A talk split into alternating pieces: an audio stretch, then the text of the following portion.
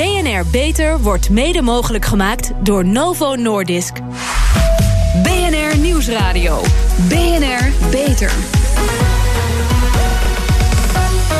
Harmke Pijpers.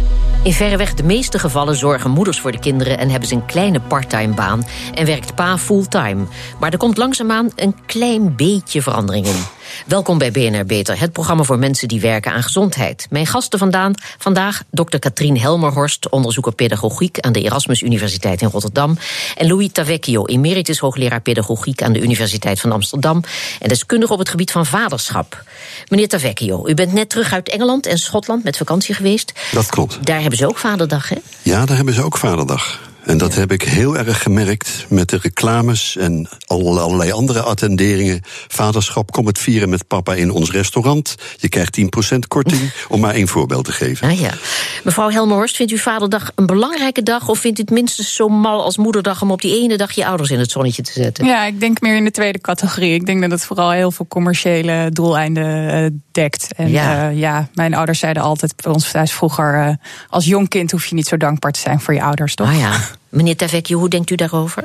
Nou, ik denk zolang er een moederdag is, moet er ook een vaderdag zijn. Ja, maar ik ben het eens met de oorsprong daarvan is, uh, is nogal het nodige mis. Het zal voornamelijk om commerciële redenen inderdaad zijn. Ja. Dat vrees ik wel.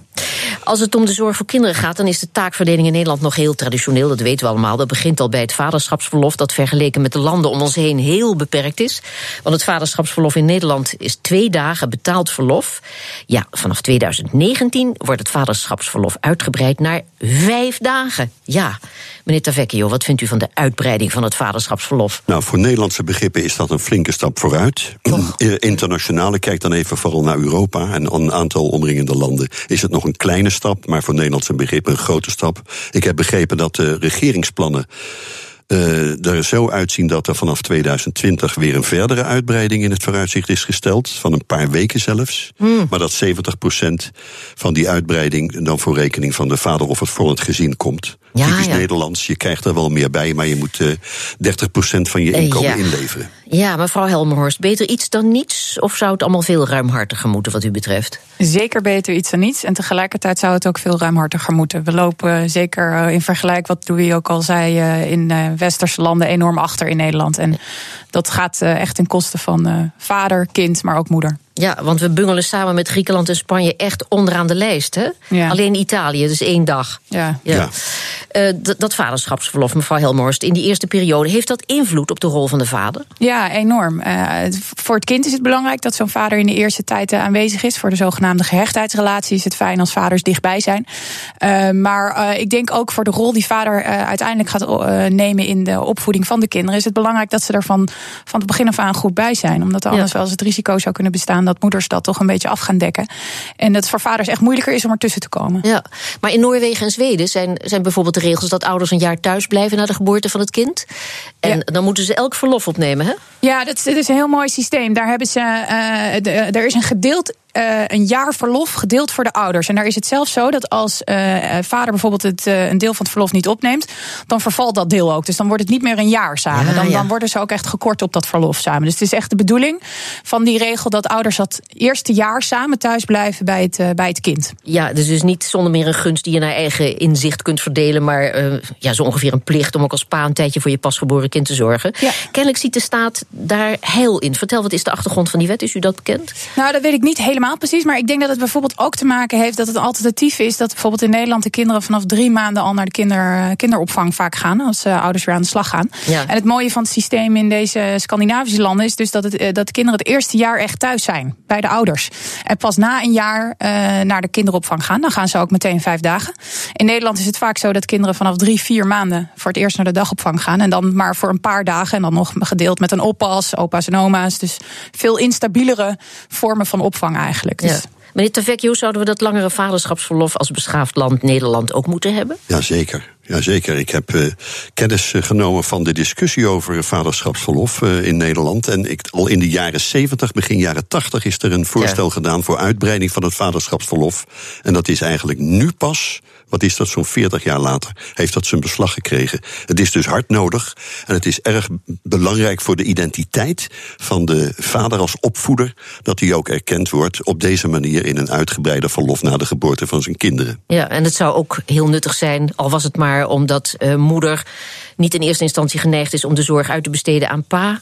En ja. uh, de deur zelfs een beetje voor hem dicht houdt, ook de welwillende vaders. Dat is bekend in de literatuur sinds een jaar mm -hmm. of twintig onder de term maternal gatekeeping. De oh. moeder als poortwachter. zeg maar op ja. welke, in welke mate zet ze de deur op een kier of een wat grotere kier of helemaal open. Voor de uh, rol van de vader in de opvoeding. En je kunt als moeder al gauw trappen in de supermom trap. Ah, dus ja. de valkuil dat je een superopvoeder wil zijn, waardoor je weinig ruimte laat ja. voor andere opvoeders in je naaste omgeving. Ja, de supermom trap, die dienen we, dienen we te voorkomen. Je kunt je in twee dagen vaderschapsverlof natuurlijk niet helemaal bekwamen in al die nieuwe bezigheden, waar je waarschijnlijk al ooit een boek over hebt gelezen. Maar er bestaan cursussen voor vaders in spe. Papaklas.nl bijvoorbeeld is opgericht om onwetende en nieuwsgierige schierige vaders een beetje bij te brengen wat voor moois en minder moois er op je afkomt bij de geboorte van je eerste kind. Luister. Jij bent Giel Hendricks, jij bent zo'n papa, hè? Wanneer ben je bij de papakast gegaan? Uh, nou, ik ben nog geen papa. Uh, ik ben uh, over drie maanden hopelijk papa. Ik ben bij de papaklas gegaan omdat mijn vriendin mij heeft opgegeven als verjaardagscadeau. Er blij van? Leuke verrassing, ja. ja. ja. Mag ik alsjeblieft snoepje? Mag ik alsjeblieft een snoepje? Atoe? Toe? Vertel eens, je kwam daar en wat gebeurde er toen? Nou, ik denk een van de eerste vragen was... Uh, wie kan er allemaal een luier omdoen? Of heeft alles uh, iemand bij een baby een luier verschoond? Ah, oh, pap, ik heb in mijn broek opgepoept en het stinkt zo erg. Waarop, denk ik, ongeveer de hoofdklas uh, hun hand opstak. Toch best veel dus? Ja, ook best veel die het nog nooit hadden gedaan, volgens mij. Heb je ook aan al je vrienden verteld dat je naar de papaklas bent geweest? Kortom, ja, ben je er open over? Ik ben er wel open over, ja. ja. Zeiden ze? Nou, vonden ze hartstikke leuk. Sommigen moesten er ook wel om lachen. Het lijkt mij een, een hele goede voorbereiding op iets. Uh, de mooiste momenten in je leven. Nou, gaan we meteen ook maar even naar uh, Sander de Heer. Van uh, papaklas.nl moet ik zeggen, of niet? Of gewoon papaklas? Ja? Jullie doen het een jaartje of drie, vier nu. Is er ook behoefte aan, uh, aan deze papaklas? Nou, dat uh, wordt steeds meer. Het is natuurlijk best wel lastig, want de mannen durven zich, ja, je hoort het al, uh, niet zo snel op te geven. worden dan door schoonmoeder of door vriendin gebracht, maar komen allemaal aan het einde van, jeetje, nu weet ik een stuk meer. Het is natuurlijk ook een soort blinde vlek hè, voor al die kerels. Die denken, ja, er gaat van alles gebeuren, maar ik word er eigenlijk niet zoveel in betrokken. Ik praat er ook nog niet echt over met vrienden. Ik voel ook nog niks bewegen en het is natuurlijk heel ontastbaar. En we proberen een een beetje uh, ja, van die blinde vlek op te helderen. Papa, mag ik een ijsje? Papa, mag ik een ijsje? Het is ook 2018. Je wilt toch ook als kerel thuiskomen... en dat die kleine jou in de armen vliegt en roept papa, papa, papa. En, en dat mama niet alleen degene is die thuis is... en papa zo cliché alleen in het weekend voor de kleine uh, zorgt. Met veel sceptisch te maken? Ja, zeker. Ja. Er zijn nog steeds, en daar schrik je dan best wel van... van mensen die zeggen, ja, is toch allemaal niet nodig... dat gaat toch allemaal wel vanzelf. Ja, heel veel gaat vanzelf. En dit in de provincie bijvoorbeeld uh, vertelt, want we zitten hier nu in Amsterdam... maar ja, Nederland is groter dan Amsterdam. Uh, lachen heel veel mensen hier dan niet uit? Nou, gelukkig steeds minder. Maar ja, er zijn nog echt wel mensen die zeggen... ja, maar dit had je vroeger toch ook niet? Nee, maar vroeger was het heel duidelijk. Van, zij blijft thuis en uh, zegt de baan misschien op... en moeder gaat voor de kinderen zorgen. Je wilt toch met z'n tweeën het samen doen... en beide goede ouder worden... en zij wil toch ook weer aan het werk gaan. En dat zijn best wel soms uh, rare verhalen. Dat je denkt van, wacht eens even, is dit 2018? Leven we nu in een, in een tijd dat, dat we dit nog moeten uitleggen? Maar ja dus. Ah, ik heb een broek gepoept. Wil je me helpen afvegen? Nee. U hoorde een bijdrage van verslaggever Thomas Schuurman... met, zoals u hoorde, een glansrol voor zijn modelkinderen. He? Ja, eh, meneer Tavecchio, ziet u heil in zo'n cursus? Daar zie ik wel heil in, maar ik moet zeggen dat de... Uh, de clichés, dat ja. woord zocht ik, de clichés, daar werd ik een beetje stil van. Ja. In dit verhaal. Dat was ja? verschrikkelijk. En u? Nou, ik zou er enorm voorstander voor zijn als we niet aparte, aparte papa- en mama-klassen hebben, maar dat je het als ouder samen gaat doen. Want volgens mij is dat de truc. Je moet het uiteindelijk samen doen. Dus apart lijkt me, lijkt me niet zo heilzaam. Ja? Ja, daar ben ik het volledig mee eens. Mhm. En d- dat is wat die vader op het laatst ook zei: dat het eh, normaal is dat eh, papa en mama samen voor de kinderen zorgen. Dat vond ik een heel verstandige opmerking. Vaders hoeven na die twee dagen vaderschapsverlof niet meteen aan het werk. Ze zouden ook ouderschapsverlof kunnen opnemen. Meer daarover na de reclame. BNR Nieuwsradio. BNR Beter. Als het vaderschapsverlof erop zit, hebben vaders het recht om ouderschapsverlof in te zetten. Dat betekent tijdelijk wat werk en salaris inleveren om meer tijd te kunnen besteden aan je kind. Je kunt tot je kind acht jaar is gebruik maken van die regeling. En dat betekent over die hele periode maximaal twee jaar minder tijd aan je werk besteden. En daarna kun je weer fulltime aan de slag. Dat is in de meeste CEO's tenminste zo vastgelegd. Daarover praat ik verder met dokter Katrien Helmerhorst, onderzoeker pedagogiek aan de Erasmus Universiteit Rotterdam. En Louis Tavecchio, emeritus hoogleraar pedagogiek aan de Universiteit van Amsterdam en gezinspedagoog. Ja, meneer Tavecchio, hoe is het tegenwoordig gesteld met de zorg van vaders voor kinderen? U spreekt over een daddy track. U had wel meer van die eh vlotte Ja. Engelse termen. Nou, de daddy- Leg eens uit, wat is de dat? daddy track dat eh, wordt gebruikt in literatuur, ik geloof uit de sociologische hoek voornamelijk, eh, als ik het goed heb onthouden. Mhm. Dat vaders die eh, regelmatig verlof opnemen, betaald of onbetaald, dat die op een gegeven ogenblik door het bedrijf, de organisatie waar ze werken, op een zogeheten daddy track worden gezet. Door eh, zeg maar de mensen die daar de dienst uitmaken van een prima vent, leuk voor zijn gezin en kinderen. Ja, maar als ja. het erop aankomt, is hij er niet. Dan zit hij er niet, dan mist hij de Ja. kansen om verder te komen in het bedrijf, een hogere positie te bereiken. En op een gegeven ogenblik zegt men dan, die mensen, die mannen worden gezet, die vaders, op de daddy track. Een prima werknemer, maar als je hem echt nodig hebt, kiest hij soms ook voor zijn gezin, wat Ja. ik uiteraard zelf prima vind. Maar dat is iets waar vaders wel mee worstelen. Want dat daar ontgaat ze niet mee dat het zo gaat. Ja. Ook een beetje het voorbeeld wat u gaf van eh, dat inkomen inleveren. Ja. En dan, dat zal dan toch eh, de tweedeling in de maatschappij, waar we zo tegen zijn, op dit eh, vlak in de hand kunnen werken. Omdat de mensen die het geld kunnen missen, eerder gebruik zullen maken van meer vaderschaps- of ouderschapsverlof. Ja. Dat is een gevaar wat op de loer ligt. Mevrouw Helmenhorst, de Nederlandse vrouwen zijn koploper als het gaat om parttime werken. Hè? Dat, is, eh, dat weet iedereen tegenwoordig. Hoe, hoe kan het dat Noorse en Zweedse moeders wel vijf dagen per week aan het werk zijn? Nou, dat heeft dus heel erg te maken met meer die regeling die ze voor het eerste jaar hebben. Dus het eerste jaar hebben vaders en moeders samen een jaar eh, verlof om op te nemen. En na dat jaar, waarin ze dus vaak ook echt gebruik maken van dat hele jaar, gaan eh, vader en moeder gewoon weer volle bak aan de slag. Dus ook niet meer part-time. Dan zijn ze een jaar met, met het kind thuis geweest en dan eh hoppakee weer volle aan, aan de slag. En dat is, dat is ook heel gangbaar daar. Dat, het is ook echt uitzondering als je daar parttime gaat werken na je verlof. Ja, ja. En het is niet zo dat, eh, zoals het, het beeld toch hier is, dat je een slechte ouder bent eh, als je fulltime aan de slag gaat. Nou ja, eh, ik denk eh, sowieso niet alleen als pedagoog, maar ook gewoon als gezonde vrouw die een tikje geëmancipeerd is, dat je gewoon ook eh, als vrouw eh, tijd moet besteden aan je werk als je daar zelf zin in hebt. Eh, dus dat lijkt me heel erg goed. En ik kan me niet voorstellen dat, dat, dat je daar als ouder bij in boet. Dat maakt je rol als ouder niet minder. Nee. We hadden het al even over het feit dat moeders, als het om zorg gaat, eh, de neiging hebben om voor vaders eh, de deur een beetje dicht te houden. Hoe was het ook alweer? De mummy trap. En er was nog zo'n mooie term. Eternal gatekeeping. Oh ja, de eternal gatekeeping en de ja. supermom trap. Ja, precies. Eternal gatekeeping. Daar moeten we vanaf. U doet hier nu onderzoek naar, hè? Ja, wij hebben eigenlijk eh, zijn wij in Rotterdam en de Erasmus Universiteit begonnen met een onderzoek om te kijken naar de rol van eh, vaders in de opvoeding. En om daar een goed beeld van te krijgen, Ja. moeten we het hele, hele, eigenlijk het hele gezin in kaart brengen. Dus we kijken niet alleen naar vaders, maar ook naar moeders.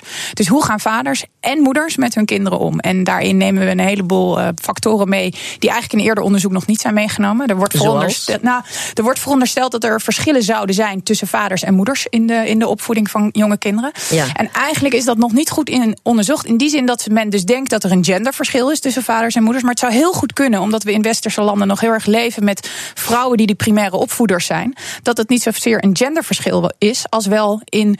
Eh, wie, is, wie heeft de primaire opvoedingstaak in huis?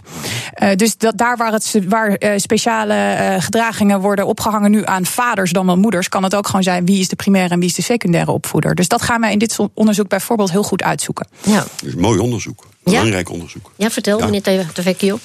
Nou, ik behoor zelf tot degene die van mening zijn Ja. dat er wel degelijk verschillen zijn, gemiddeld genomen natuurlijk, tussen de vader en de moeder bestaan niet, maar tussen vaders en moeders in hun benadering van kinderen, door mannelijkheid, eh, vrouwelijkheid, zeg maar, die zich in Mhm. Dus moeders en vaders bevinden. genderverschillen. Dus dat er wel genderverschillen zijn. Ik ben eh, geen tegenstander van, maar kijk zeer sceptisch, sceptisch tegen naar de genderneutrale hype die we op dit moment beleven. Ik Ja, hoop ja. dat die overdrijft. Als ik het zo mag zeggen. En Hoe staat u daarin? Nou, ik, ik ben eh, heel erg nieuwsgierig. En eh, ik ben nog niet zo overtuigd van ja, de onderzoeker. U kunt Nee. natuurlijk niet zeggen van ik denk dat ze een zus en zo. En ik dat zoek naar dat sowieso. ja. Maar de- daar komt nog bij dat ik op echt, echt oprecht niet zo zomaar zo heel erg goed kan bedenken waarom deze verschillen nou eh, gedreven worden door gender. Het lijkt me veel logischer dat het gedreven wordt door wie welke rol heeft in de opvoeding. Ik kan me namelijk ook niet zo goed voorstellen dat kinderen die opgroeien met lesbische dan wel homoseksuele ouders, dat die nou iets vitaals missen in hun, omge- in hun opvoeding. Ik denk dat die kinderen net zo gelukkig kunnen worden als kinderen met een vader en een moeder. Nou, daar ben ik het op zich mee eens. Maar ik denk dat in, in dat soort relaties daar wel een taakverdeling ontstaat. die een beetje lijkt op de rol Mhm. Een van mama en een papa gemiddelde. rol. Ja, dat, Precies, maar dan dat hebben denk we ik dus wel denk ik- degelijk, ja. Veel meer over primaire, secundaire opvoedingsrollen Ja, ja. dan wel Ja. heel erg vrouwelijk, dan wel heel erg mannelijk. Ja. Nou goed, er is nog een hoop te doen, hoor ik. Ja. Mevrouw Er Helmhorst. is een hoop te doen. En Ja, ik sta bent- ervoor open om mijn mening te herzien. Heel goed. Laat ik dat wel zeggen. Ja, de wetenschapper. U Zeker. bent net begonnen aan het onderzoek en dat gaat vier jaar duren. Maar Ja. intussen vooruitlopend op het resultaat. Hoe kunnen we zorgen dat vaders meer tijd aan hun gezin gaan besteden? Eh, door moeders niet meer automatisch als hoofdouder te adresseren, wat tot nu toe, ik noem het dan maar zo, Ja. het toch gebeurt. Zou Ja. dat bijvoorbeeld al helpen? Ja, dat denk ik zeker. Ik denk vanuit bijvoorbeeld eh, heel veel instanties wordt de, de, de, de moeder toch vaak aangesproken als, eh, als eerste opvoeder in een heleboel vragen rondom bijvoorbeeld ook als het gaat om schoolwerk van kinderen in de kinderopvang. Kinderopvang. Is vaak de, de moeder degene die aangesproken wordt. En ik denk juist dat het heel erg goed is, zou zijn als er daar ook meer ruimte zou komen voor vaders. Want ik weet ook uit ervaring in mijn omgeving dat die vaders dat echt heel leuk vinden en ook graag doen.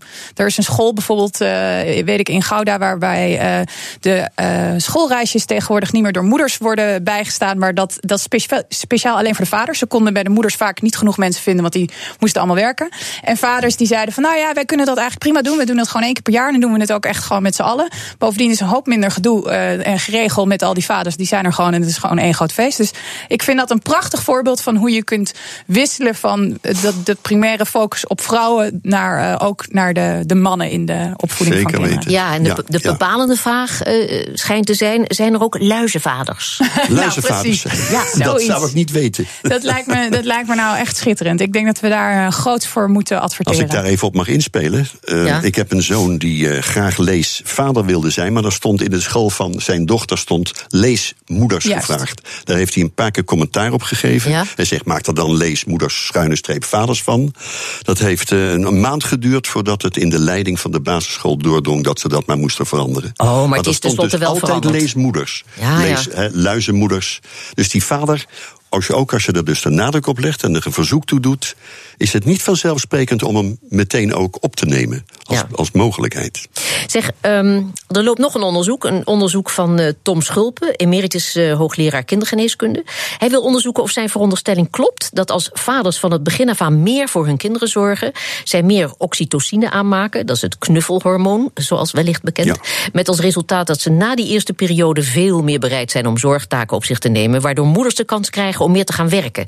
Nou, ING is op zijn voorstel ingegaan en daar krijgen duizenden vaders nu langer vaderschapsverlof. Want het doorbreken van het glazen plafond voor vrouwen, zo zegt Schulpen, begint bij de man niet als beleidsmaker, maar als vader. Nou, dat is een veelomvattende stelling. Mevrouw Helmerhorst, wat denkt u? Gaat Schulpen gelijk krijgen? Ik, ik eh, denk dat dat een heel interessant onderzoek is, wat ik zeker op de voet ga volgen. En ik, ik acht de kans heel groot dat hij dat eh, ook gaat vinden. Dus wat ik ook al eerder zei, afhankelijk van wie de opvoedtaken op zich neemt, eh, zou het me niks verbazen als daar biologisch ook iets verandert. Ja. meneer Tavecchio? Ben ik het helemaal mee eens.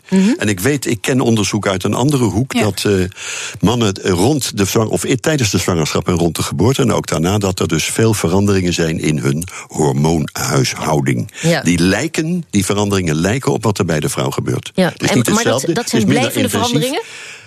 Ehm, als ze betrokken blijven bij de opvoeding, zeker. Ja. En vaders die meer van die veranderingen doormaken, zijn op langere termijn ook betere vaders. Die meer betrokken blijven bij de opvoeding van het kind. Dat Ja. is al eh, geconstateerd. Ik weet niet of het stofje oxytocine daar nou letterlijk ook Nee, in is genoemd in dat onderzoek, maar dat zal er zeker toe behoren. Ja, maar knuffelhormoon is al een heerlijk woord, nietwaar? Fantastisch. Geweldig woord. ja. Meer van dat. ja. Maar goed, eh, we, we wachten het af. En sowieso, ja, minder haantjesgedrag bij de bank. Dat lijkt me toch, gezien vrij recente gebeurtenissen, eh, eh, niet eh, vervelend, toch? Nee, dat is winst voor iedereen. Dat is zeker. Ja, lijkt me buitengewoon. Pioniers in de zorg. Dank. Katrien Helmerhorst en Louis Tavecchio moest ik nog even kwijt. En onze zorgredactie, kom maar op met die muziek. Redactie speurt naar interessante medische innovaties binnen en buiten de muren van de universiteit. Waar werken ze aan en wat moeten wij hierover weten? Ja, Carlijn Meinders, beschadigingen in de kleinste bloedvaten van de hersenen zijn schadelijker dan we tot nu toe dachten. Vertel. Ja, dat klopt. Eh, er werd heel lang gedacht dat eh, microbloedingen, die hele kleine bloedingjes, onschuldig waren. Maar onderzoekers stellen nu dat je de effecten van die bloedingen overal in het brein kunt terugzien. En daarvoor, daarom pleiten ze ervoor om de kleine bloedvatziekte, small vessel disease, als een globaal hersenprobleem te gaan benaderen. Ja, maar wat zijn dan precies de schadelijke effecten van de SVD, de kleine bloedvatziekte? Ja, de beschadigingen in de kleinste bloedvaten van de hersenen, iets wat wereldwijd bij 40 miljoen mensen voorkomt, vormen de belangrijkste oorzaak van dementie. Ehm, daarnaast zijn ze verantwoordelijk voor ongeveer een vijfde van alle herseninfarcten. En bovendien wordt small vessel disease vaak in verband gebracht met loopproblemen en zou het uiteindelijk kunnen leiden tot Parkinsonisme, aandoeningen die lijken op de ziekte van Parkinson. En nou leidt dit onderzoek zelf niet meteen tot bijvoorbeeld een nieuw medicijn. Maar volgens professor Frank-Erik de Leeuw van Radboud University hebben we er wel degelijk wat aan. Maar we kunnen wel leren van mensen die ondanks die beschadigingen toch nog goed functioneren. En dat kan een mooi model zijn om te kijken van... hé, hey, dat zijn misschien mensen die blijkbaar in hun hersenen in staat zijn... om, om aan die beschadigingen aan te passen en te compenseren. En van dat compenseren kunnen we leren om nieuwe van dit soort misschien wel behandelingstoepassingen te maken. Ja, een medicijn of behandeling voor de kleine bloedvatziekte is er nog niet. Maar dit onderzoek is een stap in de goede richting. Dankjewel, Carlijn Meinders. En dit was BNR Beter. Terugluisteren kan via de site, de app, iTunes of Spotify. Ik ben Harmke Pijpers. Graag tot een volgend spreekuur. BNR Beter wordt mede mogelijk gemaakt door Novo Nordisk.